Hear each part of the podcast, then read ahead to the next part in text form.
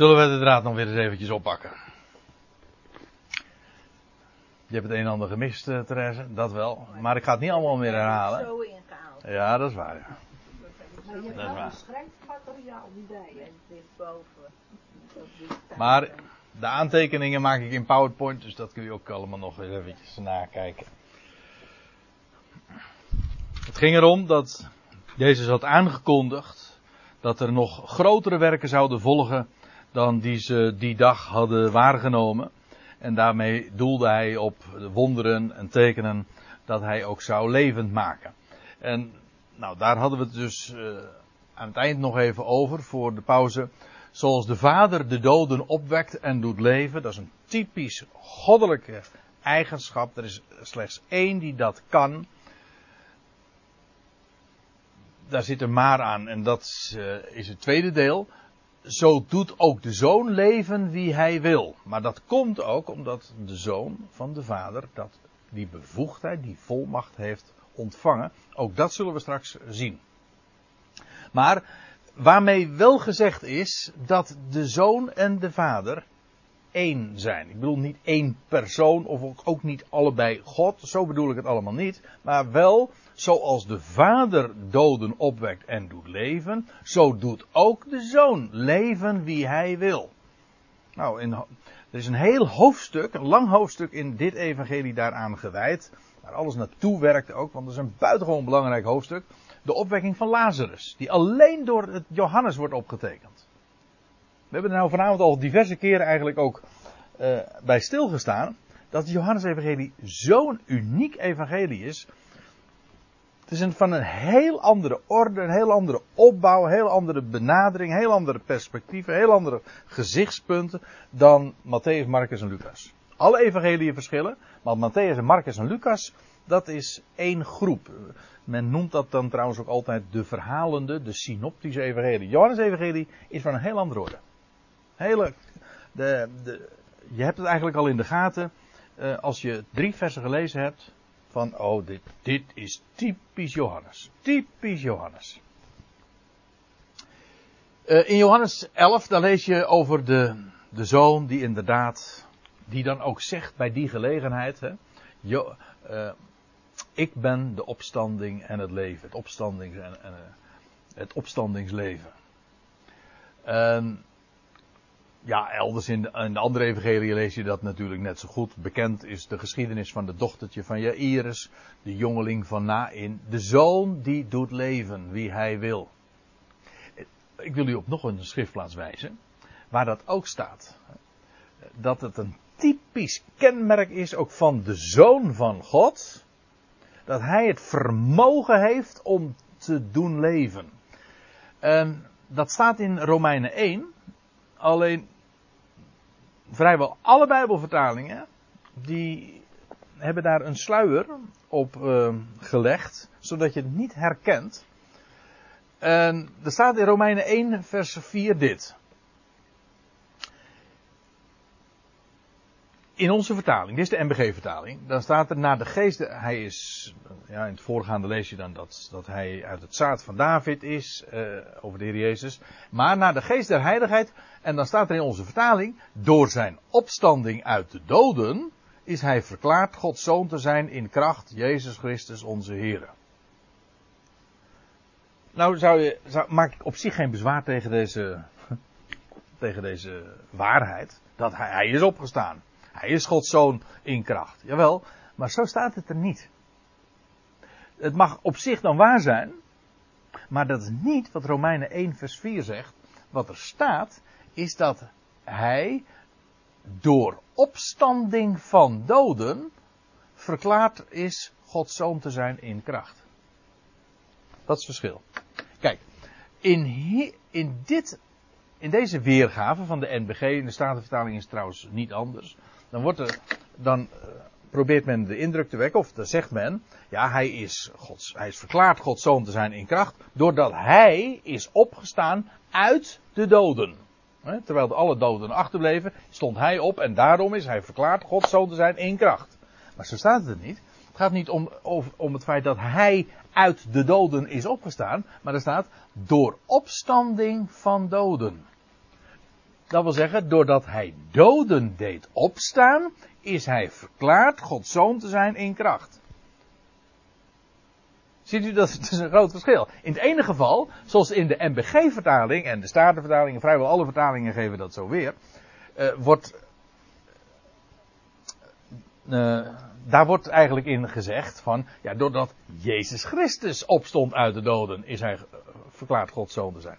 Nee, als je het letterlijker leest, gewoon neemt zoals er staat, dan staat er dat hij doden deed opstaan. Door opstanding van doden werd hij verklaard Gods zoon te zijn in kracht. En dit onderstreept dus prachtig ook wat we in lezen in Johannes 5. zoals de Vader de doden opwekt en doet leven, dat is typisch Gods werk. Dat doet, zo doet ook de zoon leven wie hij wil. Dat is precies wat hem ook tot de zoon Gods maakt. Dat speciale vermogen. Wel, dat zegt Paulus in Romeinen 1 vers 4 ook. Daarom wilde ik dit graag eventjes uh, ook rechtzetten. Dus dat zijn van die aantekeningen die je echt in je bijbeltje ook moet maken. Dat je, hé, hey, wacht even, het staat er net even anders.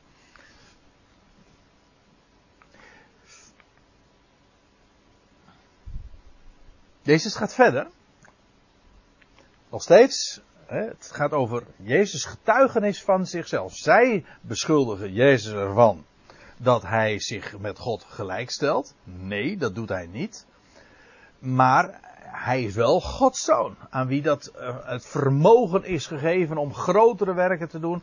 Om levend te maken. En nou komt er nog iets bij. In vers 22 staat. Want ook de vader oordeelt niemand.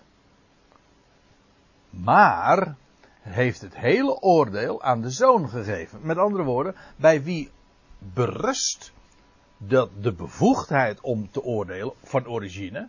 Uiteraard bij niemand anders dan de vader. Hè? Je leest in eh, Deuteronomie 1, vers 17. Eh, de rechtspraak is Godes. Dat is een beetje oud-Nederlands, maar dat betekent de rechtspraak komt alleen God toe. Er is er maar één die kan oordelen. Dat zeggen wij ook wel eens. Hè? Eh, als het gaat om uh, verborgen dingen. Mensen hebben zo hun ideeën en, en die, hun uitspraken. En dat zijn vaak vooroordelen. Want waarom? De mens ziet aan wat voor ogen is. Maar God ziet aan wat er in het hart is. Die kent de verborgen dingen. Daarom kunnen we eigenlijk ook helemaal geen oordeel over dingen eh, geven. Want je kent, je kent niet alle ins en outs. Je kent maar zo'n klein beetje. En daarom is ons oordeel altijd misplaatst. Er is er maar één die de dingen werkelijk kent, verstaat, ook weet te wegen. Die, die alles ziet en begrijpt. Dus logischerwijs, bij wie berust het oordeel? Ja, bij God, uiteraard. Bij wie anders? Bij wie, uh, wie is de bron van leven? Wie kan leven maken dan alleen God? Ja, natuurlijk. Uh, in Prediker 11 lees je, God, want God zal elke daad doen komen in het gericht over al het verborgene. Het zijn goed en kwaad. God gaat alles rechtzetten. En, maar er is er ook maar één die dat kan. God. Maar dat doet hij, en nou komt het, via en door de zoon. Hij, de vader oordeelt zelf niemand. Hij heeft het overgegeven het hele oordeel staat er, geheel de beoordeling heeft hij aan de zoon gegeven. Dus het geeft dus wel aan ook wat voor een enorme plaats hij aan de zoon toekent. Heel het oordeel gaat plaatsvinden. Het komt aan God toe, maar hij heeft het gegeven aan de zoon. En overal in het Nieuwe Testament wordt dat bevestigd. Ik wil u een paar voorbeelden geven dat dit niet zomaar een, een, een ding is wat in het Johannes Evangelie toevallig gezegd wordt. Nee, overal vind je dat terug. Handelingen 10. Daar is Petrus aan het woord in het huis van Cornelius. Daar zegt hij, uh, hij, Jezus Christus, hij heeft ons geboden het volk te prediken, Israël, en te betuigen dat hij, Jezus Christus, het is die door God is aangesteld tot rechter van levenden en doden degene die, hij zal straks terugkomen en alle levenden die dan op aarde zijn, zal hij richten. Het oordeel is aan hem gegeven. Maar ook de doden zal hij levend maken en zal hij gaan richten. Kortom, alle mensen. Levende en doden. Hij, er is er één die rechter is. En hoe komt het dat hij rechter is? Wel, hij is door God daartoe aangesteld. Handelingen 17. Daar is Paulus in Athene en daar is- op de Areopagus. Daar zegt hij, omdat hij, en dan gaat het over God, een dag heeft bepaald waarop hij de aardbodem rechtvaardig zal oordelen. God doet dat, maar, staat er, door een man die hij aangewezen heeft. Dus wie oordeelt? Wel, dat oordeel komt aan God toe, maar hij doet dat middels en via een man. Die hij aangewezen heeft, waar hij voor allen het bewijs geleverd heeft door hem uit de doden op te wekken. Zodat het eh, niet mi- kan missen over wie het gaat, uiteraard. Romeinen 2, vers 16, daar zegt Paulus, ten dagen, dat, ten dagen dat God het in de mensen verborgene oordeelt, hier heb je het weer, hè. De, de dingen, eh, verreweg het grootste gedeelte van wat eh, aan, ons, aan onze waarneming en aan ons oordeel ontrokken is, dat weten we helemaal niet. Wel, wat dus aan ons oordeel, eh, wat voor onze waarneming verborgen is, wel, er komt een moment dat God dat allemaal gaat oordelen. En, in de, en dan moet je niet meteen onder verstaan van verdoemen, dat is helemaal niet. Nee, richten. Oordelen, ook inderdaad in een crisis brengen. Weet u, ik zal er straks misschien nog wel even op wijzen. Maar het woord oordeel in het Grieks, dat is ons woord crisis. Eh, prachtig eigenlijk. Want wat gebeurt er eigenlijk in een crisis? Wel, dan eh, kom je in de benauwdheid. Hè? Zoals wij het woordje crisis ook verstaan. Als er een crisis is, dan is het heel kritiek.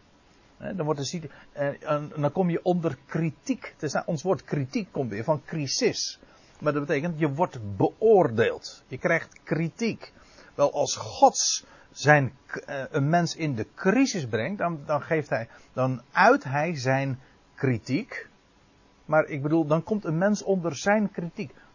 Opbouwende kritiek, hè. Onder zijn kritiek te staan. En dat wordt het, en waarom? Wel, hij houdt van zijn schepsel en daarom doet hij dat. Om de dingen te richten. Oordelen is eigenlijk altijd ook richten, rechtzetten.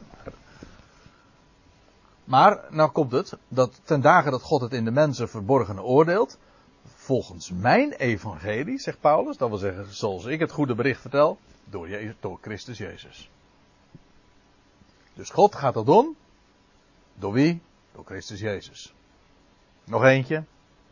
Nou, dan eh, zeg ik niet dat ik het aantal, dat ik het bewijs compleet heb gemaakt, maar eh, in ieder geval afdoende. Want er zijn er al zo'n aantal getuigen opgeroepen. Maar dat gewoon zwart op wit zo staat. Ik betuig, zegt Paulus dan, u nadrukkelijk voor God en Christus Jezus, die levenden en doden zal oordelen. Richten. In de crisis zal brengen. Dat is waar. Dan openbaring 20 nog. Dat is eh, de laatste die ik noem.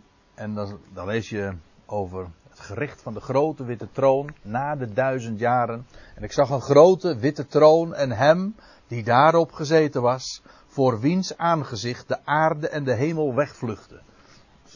Ongelooflijk wat daar aan de hand is. En dan lees je, en ik zag de doden. En die, er worden de boeken geopend. Dan wordt alles gericht. Maar wie, wie zou die hem zijn die op die troon gezeten is? Anders dan degene aan wie God, de Vader, heel het oordeel, heel het gericht heeft gegeven. Dat is de zoon. Hij is dat. Christus Jezus. Hij is die rechter van levenden en doden. Dat kan niet missen.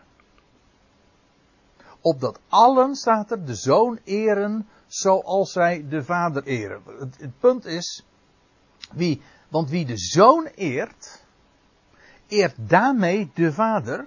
Hoezo? Wel, die zoon is door de vader gezonden. Dus als je dus, nou ja, laat ik het maar gewoon verder lezen.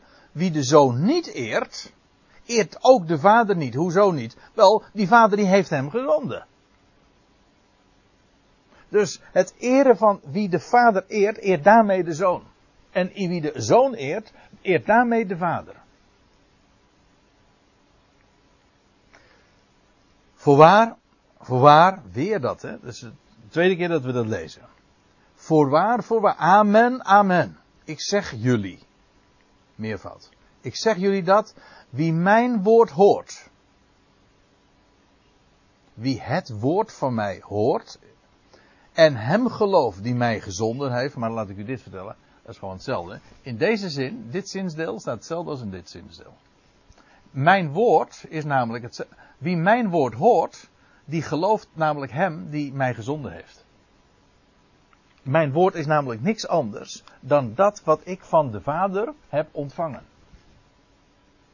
Wie mijn woord hoort en hem gelooft, die mij gezonden heeft, die heeft eeuwig leven. Let op, dat vooral ook dat woordje heeft. Niet zal het eeuwig leven hebben, heeft. Tegenwoordige tijd. En dan moet ik erbij zeggen, want uh, dit begrip eeuwig leven is, uh, ja, dat wordt maar zelden begrepen, omdat men niet weet wat een eeuw, eeuwig is.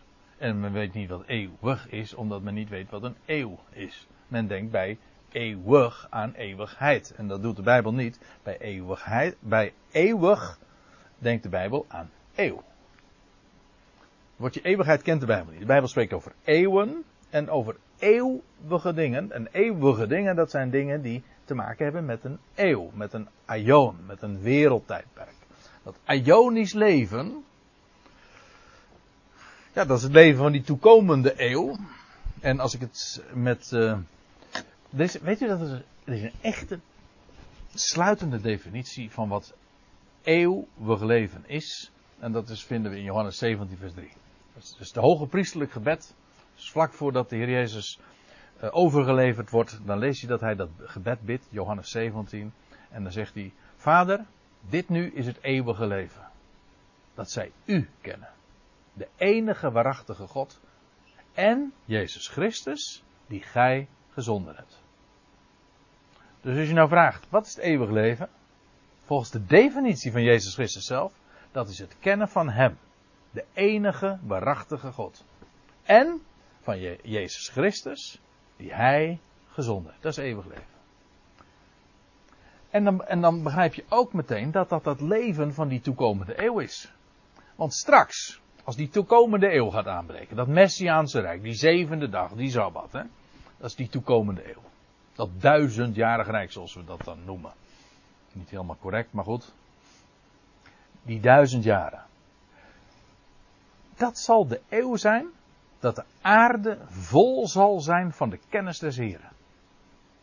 Jezaja zegt, en de, de, de aarde zal vol zijn van de kennis des Heren, zoals de, de bodem, de zeeën, hoe staat het nou? De bodem der zee, nou, zoals de wateren, zo is die ja, zoals de wateren de bodem der zee bedekken.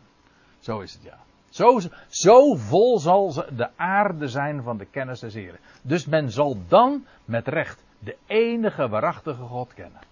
Let op trouwens, wie is de enige waarachtige God?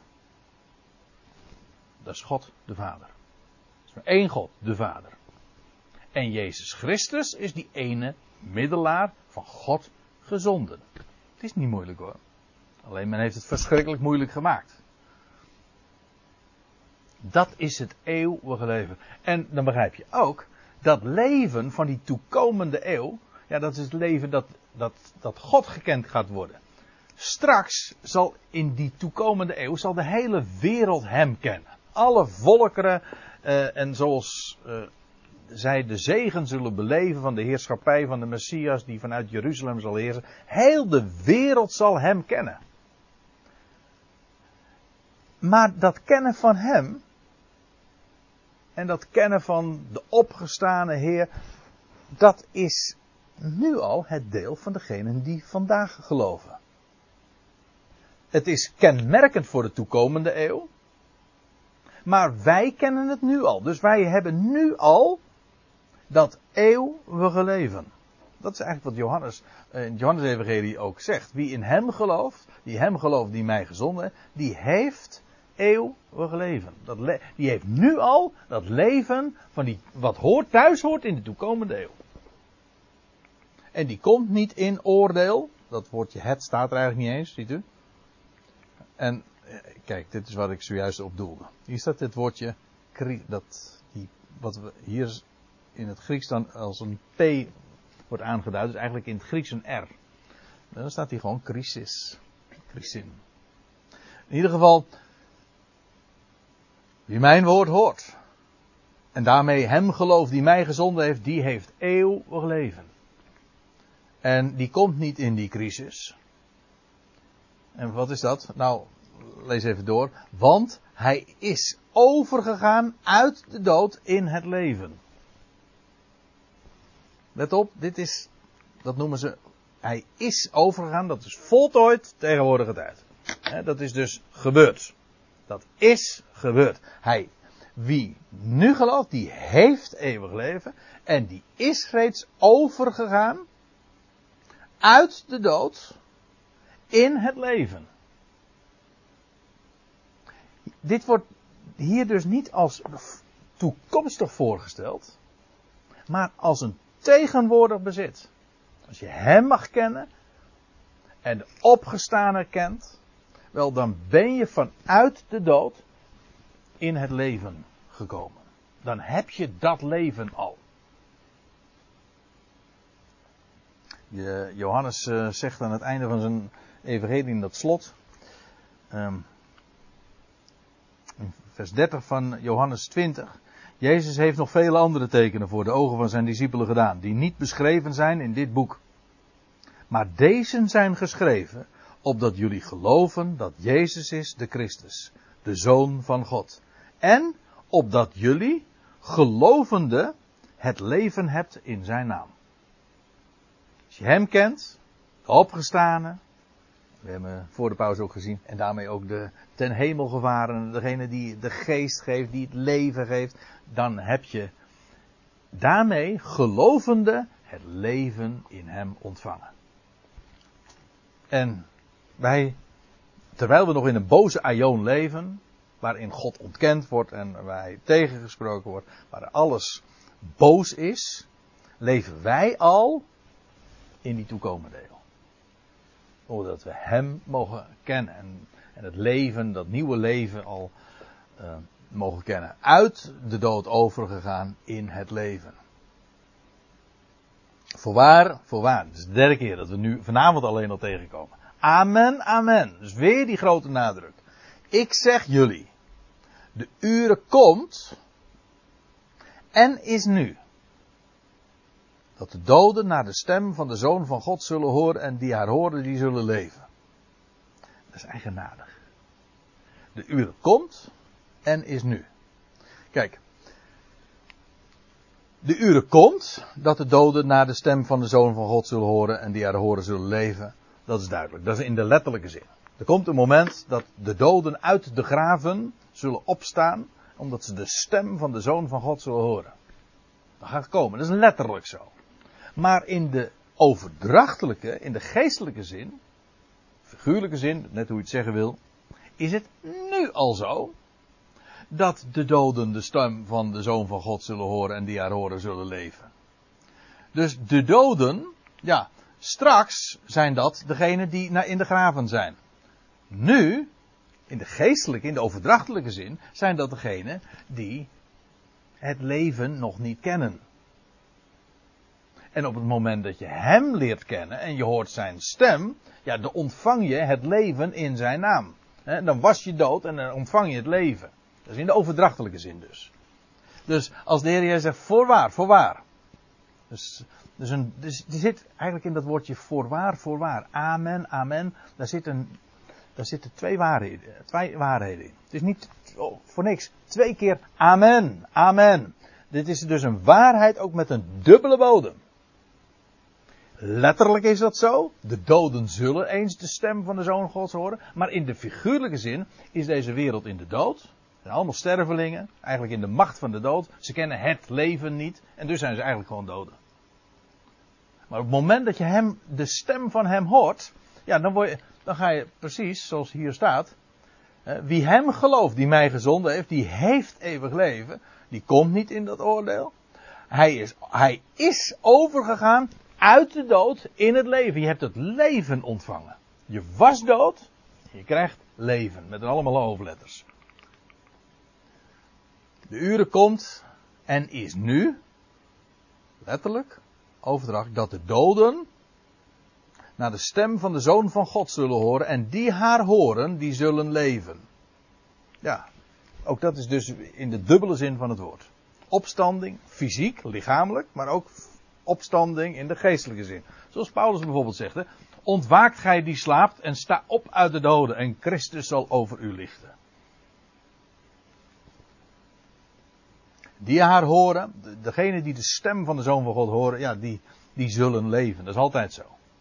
Die, dat, dat woord is leven. Zo begint het Johannes Evangelie. In het begin was het woord. En dan staat er in het woord was leven. Op het moment dat dat woord klinkt, dan komen de dingen tot aanzijn. En, God, en, en, en, en de Heer Jezus zei tegen die man in Bethesda, die 38 jaar daar um, verlamd was. Hij zegt, sta op.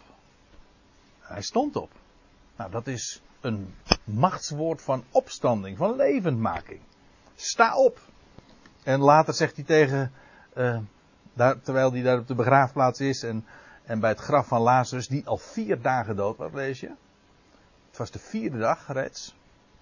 En dan zegt hij, Lazarus, kom uit, hè, kom naar buiten.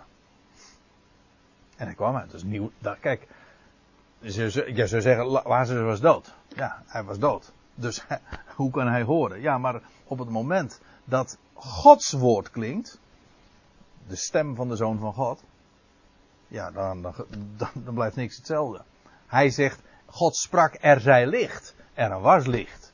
Dus God roept de dingen die niet zijn tot aan zijn. Door het te noemen is het er. Hij sprak en het stond er. En het gebood en het was er. Ja, dat is Gods woord. En hij roept de doden tot leven. Hij zegt, Lazarus. Ik hoorde iemand zeggen, en dat vind ik, ik blijf hem mooi vinden. Hij zegt van, ja, waarom noemde hij de naam van Lazarus daar op die begraafplaats? Nou, als hij dat niet genoemd had, dan werd heel die begraafplaats gewoon in, op dat moment levend gemaakt. Dat was niet de bedoeling. Daarom, Lazarus, kom uit. En hij kwam uit. Ja, dat is dus het machtswoord van de Zoon van God. Daar, daar denk je wel altijd te gering over. Over, het woord van God. Over de stem, als zijn stem klinkt. Ja, dan blijft niks hetzelfde. En dan gebeurt er precies dat waartoe dat woord ook gezonden is. Nooit keert dat woord ledig weer. Het zal altijd doen wat hem behaagt. Dat is, ja waarom? Het is woord van God, daarom. Daarom denk ik, een mens, we hadden het er zojuist even in de pauze over van dat er eh, van de, vandaag de, de, de wegen die helemaal vol waren. En uh, er was een uh, olifantje geboren, nietwaar. En dat er 10.000 mensen waren erop afgekomen. Ja. Meer studie. Ja, wou ik zeggen, ja. En dat zeg ik nou helemaal niet uit rancune hoor. Maar bekijk, het ene is sensatie. Hè? En daar komt iedereen op af. Maar van het woord. Daar, als je het woord spreekt, dan moet je niet verwachten dat daar mensenmasses op afkomen. Geen rode loop. Geen rode loper of zo. Het is het kostbaarste, het rijkste, het grootste, het heerlijkste wat er bestaat. Uh, en het wordt zo uh, onderschat. Maar we leven, ik weet het, het is, het is nacht nu in de wereld. Dat lees je ook, in, dat is trouwens uh, Johannes 9. Het is nacht. En ja, het is wachten op de zon die opkomt en dan zal de duisternis verdreven worden. En, uh, dan wordt het een ander verhaal. Maar nu, ja, als het woord klinkt, het doet precies dat wat hij hem behaagt. Maar het is niet zo dat, dit, dat vandaag massa's bereikt worden. Maar wat, wat ik er eigenlijk ook mee wou zeggen is. Er is niets, ook gewoon voor ons, wat belangrijker en kostbaarder en heerlijker en rijker is dan je bezig te houden met, met wat zijn woord zegt.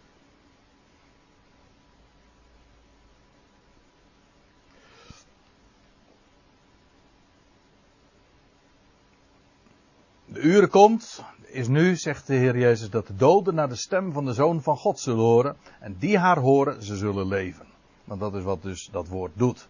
Levend maken namelijk. Want zoals de Vader, net zoals dat de Vader leven heeft in zichzelf.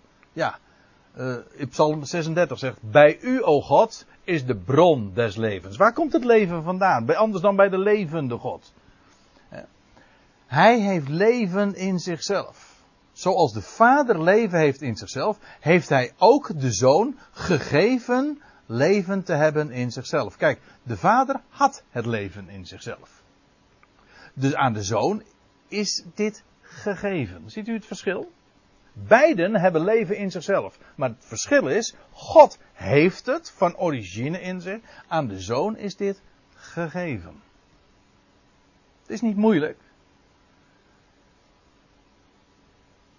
Maar wat hier ook gezegd wordt over de zoon. De zoon krijgt, heeft dat leven uh, in zichzelf. En hij heeft uh, ook, hij, God, heeft aan hem, de zoon, macht gegeven. Hier staat in het Grieks het woordje exousia. En dat betekent volmacht. Uh, een machtiging. Dus volmacht krijg je altijd van een ander. Ik, je, je geeft iemand bijvoorbeeld volmacht om voor jou een stempapiertje in te vullen. Dan krijg je volmacht. Dus daar zit een. Je, krijgt, je wordt geautoriseerd door de ander. Wel, de, de zoon die heeft autoriteit. Hij zegt ook na zijn opstanding: Mij is gegeven alle macht, hetzelfde woordje. Mij is gegeven alle volmacht in hemel en op aarde. Wel, dat is aan de zoon gegeven. Maar ook om gericht te houden. Hier weer dat woordje crisis. Ja, waarom? Dus hij heeft de volmacht om leven te wekken. Zoals de vader. Hij heeft de volmacht om, om het gericht te doen. En dat zal hij ook doen. Maar hij is namelijk de zoon des mensen. Nou ja, uh, eigenlijk staat er hier iets anders. Wat, uh, normaal staat er namelijk de zoon van de mens dat valt in onze vertaling niet zo op. Hè, dan is het echt de zoon van de mens. Maar hier wordt een ander woord gebruikt. Hier wordt uh, eigenlijk gewoon uh, gebruikt zoon van mens. Niet de zoon, en ook niet de mens, maar zoon van mens. Een, in het Nederlands zou je dan zeggen een zoon van een mens. En dat refereert. Waarom? Waar, hij is degene aan wie die volmacht is gegeven, omdat hij zoon van een mens is. En dan moet je weten, dan moet je ook hier weer de schriften kennen. Want in Daniel wordt die mensenzoon genoemd. In Daniel lees je, uh, in Daniel 7, dat is dat uh, een visioen, maar, uh, of daar lees je over, de, over God als de oude van dagen. Dat wil zeggen, de, wiens oorsprongen van oud zijn. En tot hem nadert de mensenzoon. En daar staat er. Uh, van die mensenzoon. Hem werd heerschappij gegeven. En eer. En koninklijke macht. En alle volkeren, natie en talen dienden hem. Zijn heerschappij. Van die mensenzoon. Is een eeuwige heerschappij. Die niet zal vergaan. En zijn koningschap, zijn koninkrijk is er één dat onverderfelijk is. En ja, je zou het eventjes ook in het voorgaande moeten lezen. Het gaat hier over die mensen zo. En als Jezus uh, dat hier zo zegt, aan hem is die volmacht gegeven om gericht te houden. Hij zegt, ik ben namelijk degene die mensen. Waarvan Daniel ooit al profeteerde. 500 jaar geleden. Verwondert u hierover niet, zegt hij. Ja, hoezo? Nou, als Jezus namelijk die mensenzoon is van van, vanuit het boek Daniel 7, uh, dan hoeft het navolgende niet te, te verbazen. Verwondert hier, u, uh, jullie uh, hierover niet, want de uren komt, let op, nu zegt hij, de uren komt. In vers 21 lazen we, in, nee vers 25, toen de uren komt en de uren is nu. Dus een dubbele betekenis. Nu heeft hij het alleen over de uren die zal komen die in de toekomst. Is profetisch. En dit, gaat, dit is letterlijk. En dat blijkt ook wel, verwonder u hierover niet, want de uren komt dat allen, die in de graven zijn, naar zijn stem zullen horen. Allen. Nou, wat mag je dan verwachten? Wat er dan gaat gebeuren? En ze zullen uitgaan. Uitgaan wat? Uitgaan uit die graven. Zo. Ja, dat is, is onvoorstelbaar natuurlijk waar, waar we het over hebben. Maar dat is precies waar de Bijbel het over heeft. God is degene die de doden levend maakt. En zij, en zij, de doden, ze zullen uitgaan.